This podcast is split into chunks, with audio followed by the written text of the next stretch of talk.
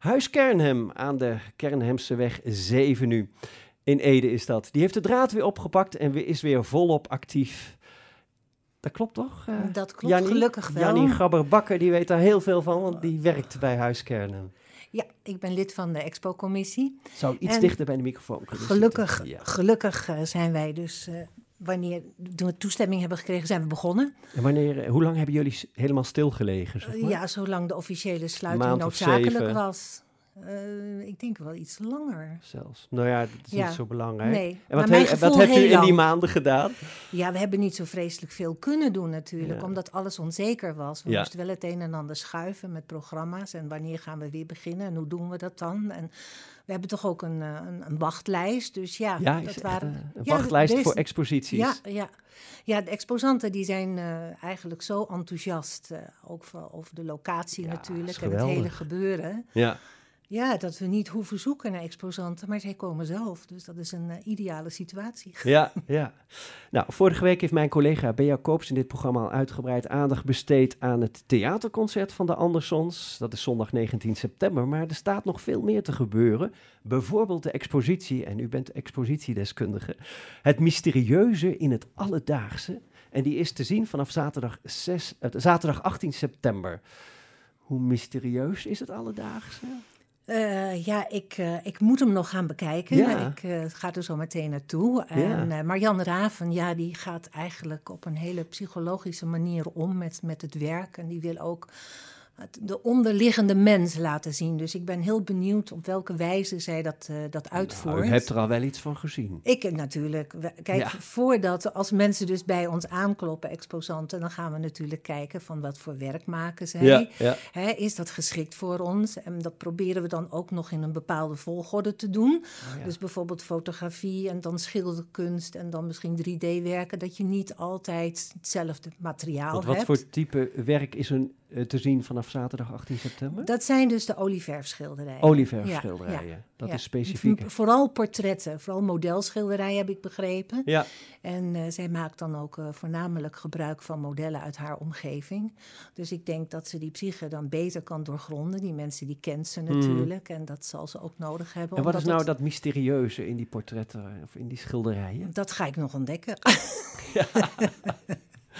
Ja, een tipje van de sluier kunt u wel oplichten om, om ons Eh, uit ik, te ik nodigen denk om te gaan nou, kijken, waarschijnlijk denk ik. de, de werken die ik gezien heb, dat is dus echt een bepaalde expressie die zij in de, in de gezichten weet te leggen. En ik denk dat ze daarmee bedoelt dat ze op die wijze dieper wil ingaan op de emotie van, eh, van de modellen. Mhm. En, en zit er, eh, want zij is, is, maar eenmalig is zij daarbij, denk ik, alleen met de opening. Maar is er daarna ook nog verklarende teksten of een boekje Eh, verkrijgbaar waarin je... Nou, dat is meestal niet eenmalig, want Mhm. vaak eh, zijn de exposanten zijn aanwezig dus, eh, tijdens de openingsuren. Dus Mhm. Zodat mensen ook vragen kunnen stellen. Kijk, het gebeurt natuurlijk wel eens dat ze dat aan iemand anders overlaten. Maar over het algemeen doen ze dat zelf. En dat is ook eigenlijk het leukste. Dat is het allerleukste. Ja. ja, want daardoor ga je heel anders naar dingen Ja, kijken. Ik heb het ja. ook wel een paar keer al meegemaakt. Ik vind dat echt geweldig.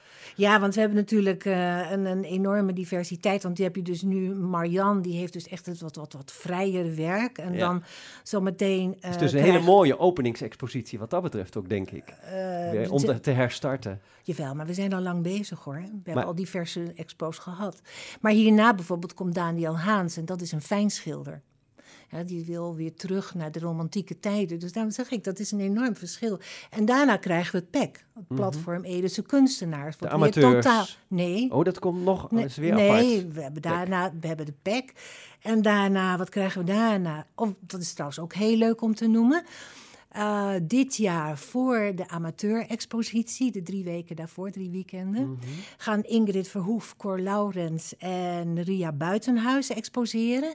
En dat zijn de voormalige winnaars van de amateur-exposities. Dus die zijn Zij- doorgegroeid, zeg maar. Ja, die, hebben dus, eh, die zijn doorgegaan en hebben ontzettend mooi werk gemaakt. Ja. En zij gaan dus exposeren drie weken voorafgaand aan de Amateur Expo. Dus dat is heel leuk, dat mensen kunnen zien van oké, zij, zij hebben gewonnen, maar er is nog ook een, een, vervolg, of er kan een vervolg zijn. Ja, ja een dus, mooi uh, voorbeeld. Dus ja. Maar PEC noemde u ook, hè? Eh, platform, platform Edische Kunstenaars. Kunstenaars. We gaan even met zeven mijlslazen door het programma, maar je moet het, in, je moet het ook gaan zien natuurlijk. Dat is via radio erg lastig.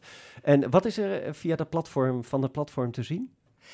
Um, eerlijk gezegd, uh, zij, uh, zij werken met diverse kunstenaars. En wie of wat, hoe het ingevuld gaat worden. Zijn jullie nog mee bezig? Ik, ja, dat weet ik nog niet. Maar uh, zij, ja, zij organiseren. En doet u dit allemaal zo. alleen? Dit allemaal uitzoeken nee, en op een nee, volgorde nee, zetten? Want dat is nogal niet een werk. Niet, nee, zeker niet.